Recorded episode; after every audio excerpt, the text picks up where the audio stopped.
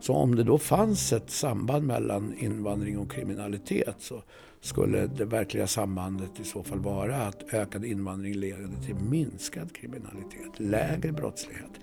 Eh, men inga sådana fakta bekymrar ju en sverigedemokratisk propaganda som istället bara vet och appellerar till en massa känslor och till att människor faktiskt inte dubbelkollar eller är beredda att ompröva sånt som man har bestämt sig för och som man verkligen tror och som man har investerat en massa känslor i och så här. Eh, så att det var väldigt framgångsrikt. Så de valdes in i riksdagen första gången. Eh, Peter gick då ut och firade genom att eh, eh, använda den nya lasersiktet han hade fått skickat från sin far i USA genom att försöka mörda en romsk man som stod och väntade utanför barnakuten när hans barn var där inne. Under 2000-talets första decennium drabbades Malmö av ett flertal mord och mordförsök utförda av en ensam gärningsman, Peter Mangs. Nu är han dömd för flera av brotten, men varför begick han dessa våldshandlingar? Religionshistorikern Mattias Gardell har svaret. I det här avsnittet av Forskarpodden berättar han om sin bok Raskrigaren där han ingående förklarar Mangs djupt rasistiska motiv och hans välkalkylerade plan för att utlösa ett raskrig. Mattias Gardell berättar också om flera av mekanismerna i den rasism som tycks bli allt mer påtaglig när fler och fler människor av nöd tvingas komma till Sverige. Du lyssnar på det fjärde avsnittet i den andra säsongen av Forskarpodden som görs för Uppsala universitet av mig Niklas Norén och min kollega Jonas Lövenberg. Trevlig lyssning. Mm, Mattias Gardell, professor i jämförande religionsvetenskap. Om man ska vara väldigt formell innehar Nathan Söderblom-professuren i jämförande religionsvetenskap. Och Nathan Söderblom var ju intressant eftersom han förutom att vara religionshistoriker också vann Nobels pres, fredspris. Så professuren är ganska mycket inriktad på religioners roller i fred och konflikt, våld, den typen av skuggsidor som vi också behöver hantera och försöka skapa kunskap kring. Började min bana med att titta på islam som svart amerikansk motståndsreligion, en svart nationalistisk rörelse som heter Nation of Islam. Eh, fortsatte sen med att titta på vit maktvärldens religiösa dimensioner i Förenta Staterna. Har sysslat med tortyrens eh, historia i västerländska samhällsrättsordningar. Eh, de senaste 2500 åren blev det. Eh, men där är en gåta i hur det kommer sig att vi återigen har legaliserat tortyr i en liberaldemokratisk ordning där vi inte kanske trodde att sånt skulle kunna ske. Jag har tittat på eh, maskulinitetsideologier, hjälteideal, eh, mänskliga bomber. Självmordsbombare eller martyrer, hur man nu väljer att titta på dem. Jag har tittat på förändringsprocesser i islams politiska landskap. Jag har skrivit om antimuslimsk rasism, det vi ofta talar om i termer av islamofobi. Eh, min senaste studie var om en rasistisk seriemördare som heter Peter Mangs. Eh, vi ska återkomma till det, men en fråga vi alltid ställer eh, till alla forskare som kanske kan tyckas uppenbart här i dessa tider, men det är vad, vad gör din forskning för nytta? Ja, om du då tittar på vilken betydelse religion, politik, rasism, våld, terror har idag för människor överhuvudtaget och att vi befinner oss i väldigt svåra tider och där vi har väldigt primitiva kunskaper ofta om det som eh, vi försöker hantera. Eh, i en värld där också demokrati, som vi vet är en väldigt ung samhällsordning, eh, kraftigt undermineras och hotas från olika håll, så är det ganska självklart att den typen av forskning jag har kommer att ha ett centralt intresse också utanför mer snäva akademiska eh, skäl. Eh, vi brukar ofta eh, backa bandet när vi pratar med våra forskare och prata om, om bakgrund. Kan, kan du berätta, var, var kommer du ifrån? Jag är alfa och omega. Jag föddes... alltså hur många eoner ska du gå tillbaka? Nej, men, vi, kan, vi kan gå tillbaka till, till barndom, bara, ja. uppväxt. Alltså jag, jag är en uppväxt i en akademikerfamilj där både min far och min mor doktorerade när jag var ung. Eh, det fanns inga pengar, men det fanns böcker och livliga samtal, böcker och blodpudding. Eh, och där min far, som så småningom kom att bli professor i arbetslivspsykologi som ett självständigt ämne, eh, tillhörde den, den eh, socialdemokratiska samhällsingenjörsskolan som såg religion som det största hindret på, som man måste undanröja för, mänskliga, för att människan ska kunna befria sig i den emancipatoriska gärningen och så småningom stå myndig och själv utstaka sin väg och skapa det goda samhället. Och en mor som också doktorerade i psykologi. Eh, och det ägnade hon åt under väldigt många år. Och, men som också var frireligiös kontrast. Eh, så de höll inte med varandra eh, om några av de frågor som var alltså de grundläggande frågorna om mäns den mänskliga existensen och villkoren för den och hur samhället ska byggas och alltihopa så. Utan det var, de bråkade rejält om alla de där intressanta frågorna, vilket var väldigt nyttigt för mig som barn. Därför att det lärde mig att det finns mer än ett svar på varje sån given fråga. Eh, så kanske föddes en del av intresset där. Eh, att, att svaren inte redan var givna. Utan det fanns fort, fortfarande frågor att besvara. Och så småningom, så, så med inträdet i akademin, så börjar man ju tillägna sig de verktyg med vars hjälp man kan försöka besvara några av de här frågorna. Du har ju forskat på bland annat politisk islam, eller hur? Mm.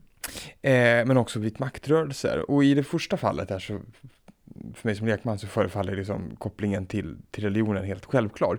Men eh, hur hänger det samman med, med vit maktrörelse? Eller finns det någon, eh, ja, det, vad är det gemensamma kittet där?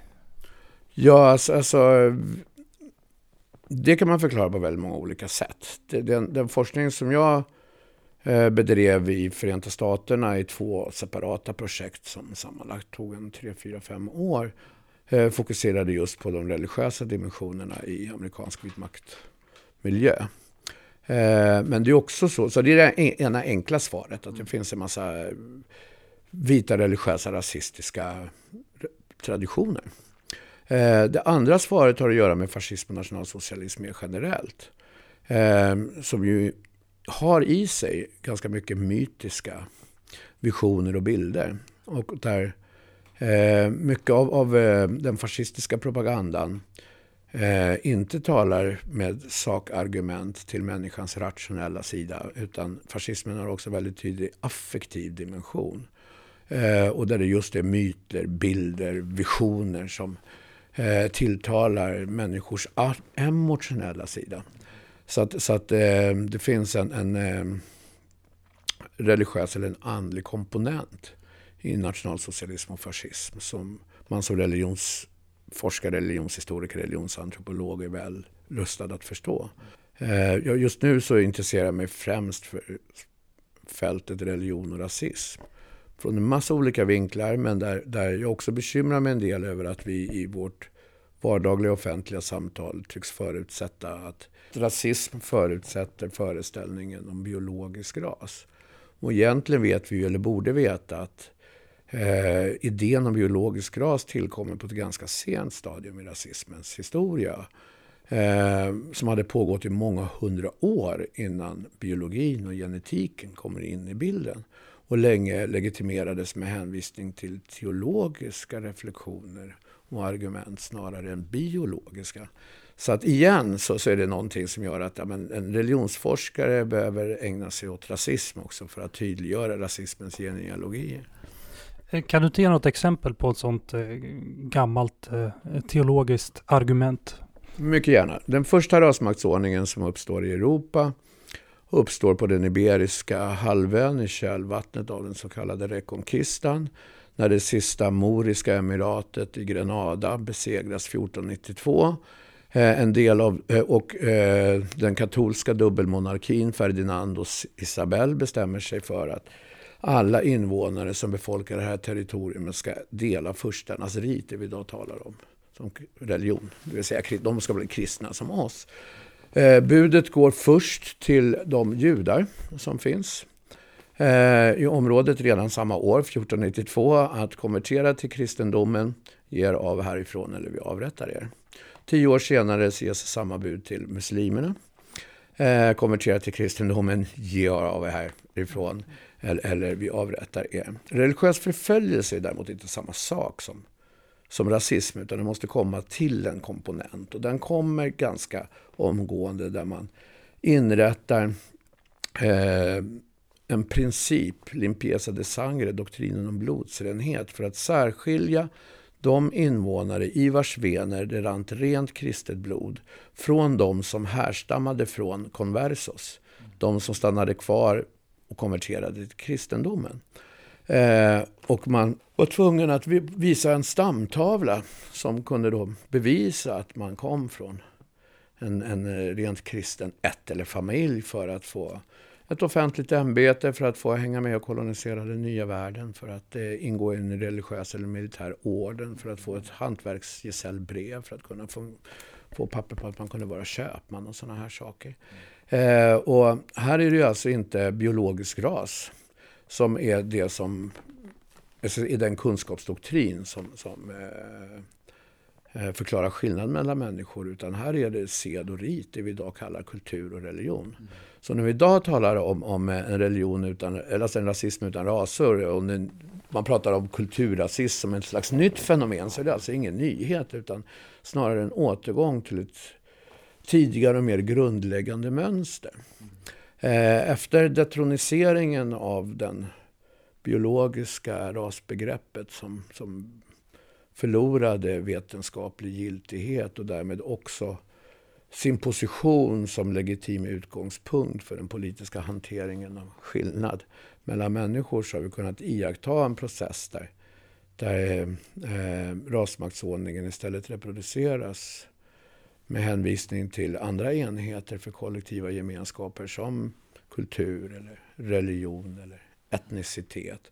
Och där eh, rastänkandets idé fortsätter att färdas inbäddat i kultur, i de här begreppen kultur, etnicitet, religion. Eh, och vad rasbegreppet gör inuti de här Rastänkandet gör inuti de här begreppen är just att förmedla idén om en slags nedärvd essens som sägs prägla alla de här människorna som man associerar till en bestämd kultur eller en bestämd religion eller etnicitet som avgör deras vara i världen. Och det är det som förklarar den lätthet vi pratar om på om hur judar är eller hur muslimer är eller hur romer är. Varför uppstår det här tankesättet om och om igen? Rasism är ju inte bara teori utan också praktik. Eh, och det finns de som tjänar på eh, rasmaktsordningen precis som det finns de som förlorar på rasmaktsordningen. Det finns ju flera olika rasismteorier och två grundläggande skolor utgörs av antingen den postkoloniala rasistteorin som menar att rasism uppstår i samklang med den koloniala expansionen som ett sätt att legitimera eh, europeiskt och i sin förlängning vit eh, herravälde över icke-europeiska, icke-vita befolkningar. Därmed borde också eh, rasismerna förklinga när det postkoloniala träder oss till möte. Det tycks det inte göra. Den biopolitiska rasistteorin menar istället att eh, rasism kan ses som eh, en praktik som vilar på tre sammanflätade element. Där det första är en, skillnads, alltså en kunskapsdoktrin om skillnad. På vilka grunder gör du skillnad mellan olika slags människor? Den andra är en tro på föreställda kollektiva gemenskaper eller enheter som, som är utgående från den här kunskapsdoktrinen om skillnad. Eh, och som sägs prägla de som associeras till en kultur, en religion eller en ras eller hur man nu benämner den här kollektiva enheten. Eh, och för det tredje en uppsättning administrativa tekniker eh, för att kontrollera människoflöden och fördela status och privilegier eh, mellan olika kategorier som har särskilts på detta sätt. Och man placerar de här enheterna, kallade raser eller kulturer eller etniciteter eller religionsgemenskaper, eh, längs en skala mellan polerna värdefullt liv eh, och värdelöst liv. Eh, och där det värdefulla livet, som tillhör det egentliga folket, är de vars välgång politiken ska syfta till att få att blomstra. Och det värdelösa livet eh, kan låtas dö. Eh, och det är ett mysterium hur det här kan samexistera i en demokrati. Alltså, med, med en idé om att vi har mänskliga rättigheter och att de är universella och så här. Så att det finns en dehumaniseringslogik som också involverar som rasismen ser till att legitimera och reproducera och sprida hos folk som tar till sig det här tänkandet så att det ändå ska kännas okej. Okay. Det är lättare att förstå i diktaturer. Om man kan säga att, att det biopolitiska paradigmet kommer jämte moderniteten att bli det grundläggande paradigmet i de europeiska ordningarna så, så eh, finns det en biopolitisk dimension också i det nationalsocialistiska projektet. Det är intressant där. Eh, eh nationalisterna föresatte sig att tjäna och främja det värdefulla livets blomstring, det vill säga det ariska livet och utöka dess Lebensraum på bekostnad av det värdelösa livet som kunde undanröjas och dödas för att ge plats åt det här värdefulla livet. Eh, och idag i en demokrati så gör vi inte så rent explicit. Vi, går, vi har ingen statsmakt som går ner och skjuter folk. Men idag kan vi låta dem dö. Och vilka är det vi låter dö då? Ja, här har vi plötsligt, de, igen, romska EU-medborgarna som sitter som någon slags personifikationer av det värdelösa livet utspillda längs våra ICA-butiker och Konsumbutiker och Systembolag och McDonalds och vad det är för någonting. Och tigger vid våra fötter och vi vill ha bort dem på något sätt. Men vi lär oss också att se igenom dem, låtsas att de inte finns. Det är ett liv men vi känner inte igen det som ett igenkännbart liv som är ett värdefullt liv som vi på något sätt har några förpliktelser till. Och man säger att ja, men de är inte medborgare, men de är ju EU-medborgare och var inte vi med i EU? Mm. Här finns en massa problematik. Men, men, och på samma sätt nu när vi stänger Europas gränser för flyende människor. Som vi envisas med att kalla migranter och säger att vissa av dem är illegala. Men det är ju flyende människor som har eh, asylrättsskäl. Och det vet vi ju om enligt samma fördrag och internationella förordningar och svensk lag och så vidare som vi faktiskt har undertecknat. Men, men då det, så, så reklassificeras de på olika sätt och vi stänger dem här och säger att vi har inga skyldigheter för de tillhör inte. Eh, vi stänger dem ute.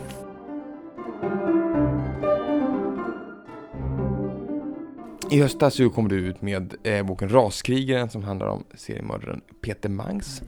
Eh, varför har du skrivit den här boken? Därför att den behövde skrivas. Eh, det började helt enkelt med att jag var inkallad som sakkunnigt expertvittne i rättegången med Anders Behring Breivik. Eh, och den rättegången pågick som, samtidigt som den första rättegången mot Peter Mangs. Eh, och det som kom ut ifrån den rättegången gjorde att det ringde en massa klockor hos mig. Jag kände igen en del av det här talet. Så jag bestämde mig för att följa hovrättsrättegången. Eh, som som eh, igen gjorde att jag kände igen en massa saker men som också lämnade mig ganska otillfredsställd med massvis med frågor. Eh, vad det här egentligen var för någonting. Det var som om det saknades någonting viktigt. Eh, och som forskare tog jag därför kontakt med, med länskriminalen i Skåne och bad att få ta del av hela förundersökningsmaterialet, inte bara det som offentliggjorts i den visserligen väldigt omfångsrika 8000-sidiga förundersökningsprotokollet utan också allt annat som hade lämnats därutöver som hade hamnat i den så kallade slasken av bitar som man inte riktigt visste vad man skulle göra med och allt som fanns i Peter Mangs dator. Och där hittade jag hans egna politiska texter som han hade skrivit år 2001, 2002, 2003 samtidigt som han hade bestämt sig för att han skulle påbörja raskriget eh, och försöka hitta nycklarna till raskrigets startmotor.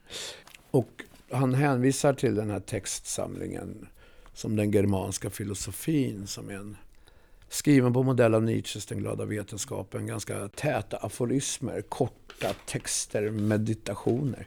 Eh, som som, som eh, var skrivna på modell av Nietzsches Den glada vetenskapen och där Mangs lika lite som Nietzsche eh, tänkte redovisa det intellektuella förarbete som hade pågått innan den textliga interventionen och som innehöll en massa inbyggda referenser och där Mangs referenser hänvisade till Wittmakttänkare, okulta fascister, ariosofiska traditioner, konspirationsforskare eh, som jag i de allra flesta fall hade läst och kände väl till eh, och i många fall också hade mött och intervjuat när jag eh, genomförde de här fältarbetena i vit makt USA. Och det gjorde mig naturligtvis än mer intresserad. Så att jag tog kontakt med Peter Mangs bara för att se om det gick att prata med honom. Och märkte då när han kom till högsäkerhetsfältet Saltvik där han sitter utanför Härnösand att en person som i rätten framstod som kanske lite udda och apart och som svarade enstavigt och inte ville prata så mycket eh, var ganska talför. Ehm, och jag tror att han uppskattade att möta någon som just delade referenssystemet, som förstod vad han pratade om. Han, kunde, han gjorde en massa tester först. Skickade ut en massa olika typer av namn. Och tittade på böcker. Och, det kunde jag ju. Så det blir bra. Eh, så att det vill säga det ena svaret. Att, att, att eh, varför var det viktigt att skriva det här? Jo, därför att det fanns en massa frågetecken. Och som forskare så utgår jag alltid efter mitt eget begär, så att säga. Vilka frågor pockar på? Vilka är det som, vad är det för mysterier som inte jag förstår? Men det, fin det finns ju många andra skäl till varför det här var viktigt också. Därför att det är inte bara jag som inte förstod någonting, utan eh, väldigt många andra mm. gjorde det inte. Och, och eh, Mangs, jag är ganska över, alltså Mangs följer en, en taktik som utvecklades i amerikansk vitmaktvärld på 70 80-talet och som kallas för det ledarlösa motståndets taktik. Eh, och som vilar på en bodelning mellan eh, ideologer, ideologiproducenter, partiledare eh, som, som ska sprida kunskapen om vad som behöver göras. Men som själva håller sig inom lagens ramar. Eftersom de vet att de kommer att övervakas, kanske infiltreras. Media håller koll på vad säger de. Och en, en väpnad eh, underjord av våldsinriktade eh, militanter organiserade antingen i självständiga små autonoma celler eller ensamma självagerande eh, individuella raskrigare som själva ansvarar för att planera, finansiera och utföra sina våldshandlingar men som inte tar emot order uppifrån. Eh, och det här tänkandet kom att eh, förmedlas via raskrigsnoveller och handböcker och massvis med texter och expanderade till Europa på 90-tal, 00-tal. Ofta i översatt form genom de här transatlantiska idéflödena. Eh, det här är en, en taktik som i Förenta Staterna enligt Department of Homeland Security senaste undersökning 2009 återbekräftat 2015 utgör den, den eh, enskilt största inhemska terrorhotet i Förenta Staterna. Eh, och också i Europa så ser vi i nästan samtliga länder att det finns individer och, och autonoma grupper som har anammat det här. Peter Mangs han sköt ihjäl tre personer tror jag. Mm. Något, och skottskadade väldigt många och, och terroriserade Malmö under nästan tio års tid. Kan det stämma? Ja, han, han dömdes för två mord men begick tre. Mm. Eh, vågar jag säga efter att då talat med honom väldigt mycket kring detta. Eh, och eh, dömdes för åtta mordförsök men begick många fler. Och jag har i min bok bara tagit upp dem. Jag har kunnat få bekräftat genom en massa olika andra oberoende källor eftersom jag också bekymrade mig för möjligheten att det kunde vara en kvick historia här. Att man kan inte... Man vet inte. Man får vara noggrann som tusan eh, i detta. Eh, ja. Men jag tänker, hur, hur ska vi förstå Peter Mangs och varför han begick alla de här morden och mordförsöken? Det är ju en komplex historia naturligtvis. Precis som Peter Mangs, som alla andra, är komplexa sammansatta individer. Eh, men, men eh, grundidén var, som jag sa inledningsvis, att, att eh, bedriva ett lågintensivt terrorkrig mot mångkulturen. Att han, alltså Mangs mördade och försökte mörda bestämda kategorier Malmöbor som han definierade som det värdelösa livet. Som ett liv som kan utsläckas utan att omvärlden nämnvärt höjer på ögonbrynen. Tanken var att utnyttja de spänningar och den misstänksamhet och motsättningar som finns i vårt samhälle och i hans fall Malmö. Eh, med den här mordserien. Eh, för att försöka finna ett sätt att få det mer eh, fullskaliga raskriget att komma igång för att rena vårt samhälle och vår nation från alla de som befläckar dem. Eh, så att han, alltså man kan, om man tittar på hans texter och, och i de samtalen. Jag genomförde tio stycken tre timmars intervjuer, bandade i de flesta fall på högsäkerhetsfängelset i Saltvik. Gick igenom alla hans texter och, och hela hans bibliotek och all hans internetkommunikation. Alltihopa. Så att det, det är baserat på väldigt gedigen, grundmurad eh, forskning. Eh, så kan man väl säga att, att, att eh, han är influerad av lite olika tendenser. Men kanske i grunden påbörjar han sin bana som, som eh, ariosof. Det är en del av, av, av, Peters, men det är bara en del. Han är också väldigt sådär... Han fick en del av sina politiska idéer hemifrån. Det är ofta så det går till. Eh, pappan var frankist, även om han också drömmer om en, en, ny Hitler som ska komma och ena den ariska rasen, eller vita rasen, och fördriva dess fiender. Han var också väldigt informerad av det allmänna vardagsrasistiska snacket.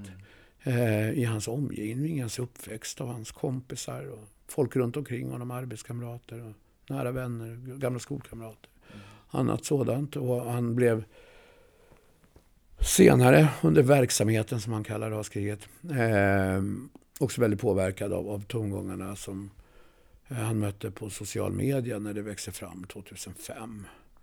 Eh, och han menar att han bara gjorde det alla andra snackar om. Eh, han var också inspirerad av så många andra av amerikansk film. Eh, vi har många sett alla dessa filmer som handlar om den ensamma pistolbeväpnade vita amerikanen som röjer gatorna från kriminella och slödder och följer en högre lag och är en hjälte och alltihopa det där. Så att han var också han är som många andra ganska narcissistisk. Vi lever ju i någon slags narcissismens högålder, gör vi inte? Eh, och med många sådana funderingar om att bli en hjälte, att, att eh, låta livet bli meningsfullt, att eh, bli sedd, skriva in sig i analen av ariska hjältar. Kanske en dag som hans far hoppas stå staty. Mm. Eh, eh, kan, kan du uppleva att den bilden som åtminstone innan, innan din bok också fanns av Peter Mangs, att den inte riktigt överensstämde med den han kanske egentligen var. Jag tänker att han, han sågs mer som en galning kanske än som en, ja, vad ska vi kalla honom, politisk eh, våldsverkare eller terrorist. Mm. Det är en del av problematiken för att, för att och vi kan iaktta exakt samma mönster. Eh, i många olika andra europeiska länder när den här typen av, av eh, politiskt motiverad rasistisk seriemördare eller attentatsperson har begått, ett, begått sina våldshandlingar och sen åker fast. Eh, så kallar vi dem inte terrorister, vi, vi kallar dem galningar, om de är vita. Eh, och, och det, så gjorde man precis med Anders Behring Breivik. Om man applicerar psykologiska förklaringsmodeller för John Ausonius, och man Eh, titta på, på David Copeland eller all, de här andra Köpke som, som finns eh, på precis samma sätt. Så, så det är naturligtvis en del av problematiken. Var, varför gör vi det då? Men syftet var ju... Peters syfte var, motsvarar väldigt väl den definition av terrorism som är en väldigt problematisk term, det måste sägas. Och som man får vara försiktig i sin användning av. Jag tycker att vi slänger oss väldigt mycket kring det. Men, men, men, men om man med terrorism förstår det som eh, är en EU-definition som också därför gäller i Sverige. Att ett syfte ska vara att injaga allvarlig fruktan och skräck i allmänheten eh, i syfte att främja en viss politisk målsättning.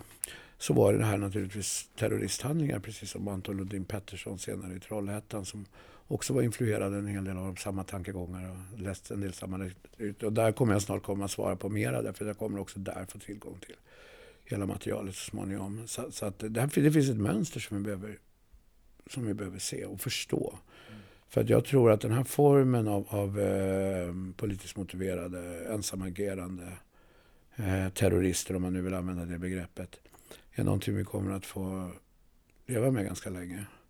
Eh, och det vore väl kan jag tänka om inte politiker och allmänhet och poliser och, och så, media lika lätt lät sig utnyttjas som brickor i, i nästa raskrigares spel. Därför Peter förstod exakt att om jag skjuter en eh, svart, om jag skjuter en muslim, om jag skjuter en rom så kommer media omedelbart börja spekulera i gängrelaterad kriminalitet och Eh, invandring och kriminalitet och så vidare. Och det kommer att följa som ett brev på posten och Sverigedemokratiska krav på att stoppa invandringen och hårdare lag och straff. Och Sverigedemokraterna gjorde ju också eh, våldet i Malmö till ett huvudnummer under sina valkampanjer väldigt framgångsrikt. Och Malmö framställdes som gangsterstaden och man lägger fram förslag om utegångsförbud efter klockan tio för ungdomar i Malmö i bestämda stadsdelar och massa sådana här saker. Och, egentligen, och igen så är det här intressant därför att vi pratade ju förut om det här med faktaresistens och eh, produktionen av glömska, att vi inte riktigt vet vad vi talar om och sådär. Därför att ett faktum är ju att, att eh, våldsbrottsligheten under hela den här perioden i Sverige, den grova våldsbrottsligheten har sjunkit undan år efter år. Eh, antalet mord eh, i Sverige har ju sjunkit från 90-talet och det handlade om kanske 108 typ runt där per år ner till slutet av hans gärning när vi var nere på 83 kanske eller någonting sånt. Det fluktuerar ju lite grann men trenden är tydlig. På samma sätt är väldigt tydligt att eh, antalet grova misshandlar och sånt som leder till sjukhusvård har sjunkit under samma tidsperiod från 3000 om året till 2500 om året. Eh, så också i Malmö där, där den grova brottsligheten minskade med 25 procent under den här tiden. Samtidigt har Sverige blivit fler. Alltså Sverige har blivit större, vi har fler invånare. En miljon nya svenskar finns under den här tiden. Också Malmö har växt, sprängde 300 000 eh, strecket. Eh, så att minskningen är ju ännu större om man då tänker eh, proportionerligt. Eh, och det där är intressant därför att en hel del av de här nya svenskarna har kommit via invandring just.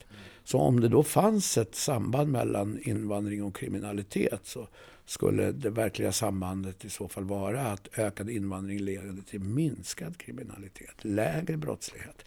Eh, men inga sådana fakta bekymrar ju en sverigedemokratisk propaganda som istället bara vet och appellerar till en massa känslor och till att människor faktiskt inte dubbelkollar eller är beredda att ompröva sånt som man har bestämt sig för och som man verkligen tror och som man har investerat en massa känslor i och så här. Eh, så att det var väldigt framgångsrikt. Så de valdes in i riksdagen första gången. Eh, Peter gick då ut och firade genom att eh, eh, använda den nya lasersikte han hade fått skickat från sin far i USA genom att försöka mörda en romsk man som stod och väntade utanför barnakuten. Hans barn var där inne. Vad är nästa steg i din forskning? Vad är nästa sak du ska jobba med? Mm, dels har jag tillsammans med Ellen Löv fått ett litet uppdrag att försöka snabbutreda vågen av attacker mot flyktingboenden och romska eh, EU-migrantläger. Och, så här. och sen så har jag en, en, en eh, man har olika långsiktiga planer men jag skulle också vilja skriva ett helt nytt standardverk om rasismens historia. Eh, och det samlar material för, eh, för framtiden så att säga. Som professor kan man ju få göra den här typen av liksom, synteser också. Försöka summera 30 års egen forskning och mm nyttja all annan god forskning som finns för att göra det. Därför att om man tittar på de standardverk som nu finns om rasism och rasismens historia så, så präglas de antingen av ett väldigt partikulärt fokus. Man tittar på vissa länder eller språkområden, liksom det anglosaxiska och så här. Eh, och man kanske inte går tillbaka till... Man kanske inte följer genealogiskt i alla dess former. och, och jag skulle tycka att det var väldigt intressant att titta på rasismen i plural och, och, och deras historier. Intressant. Mm. Eh, får vi kanske skäl till att komma tillbaka. Eh, men tack så hemskt mycket. Ja, tack Mattias för att vi fick komma. Ja, tack för att ni eh, bjöd mig att samtala med er. tack. Du har hört Forskarpodden, den här gången med religionshistorikern Mattias Gardell. Och om du har några synpunkter på programmet eller om du har några frågor till oss så hör gärna av dig. Och på sociala medier når du oss på hashtaggen forskarpodden eller så kan du mejla till oss och då är det forskarpodden gmail.com. Och redan nu börjar vi jobba med höstens program av Forskarpodden. Så om du har några förslag på vilka forskare vi borde träffa eller om du kanske har idéer på vilken typ av forskning som du vill att vi ska beröra så hör av dig till oss. Och var och hur du gör det, ja det hörde du alldeles nyss. Och Jonas, vem är det vi ska träffa i nästa program?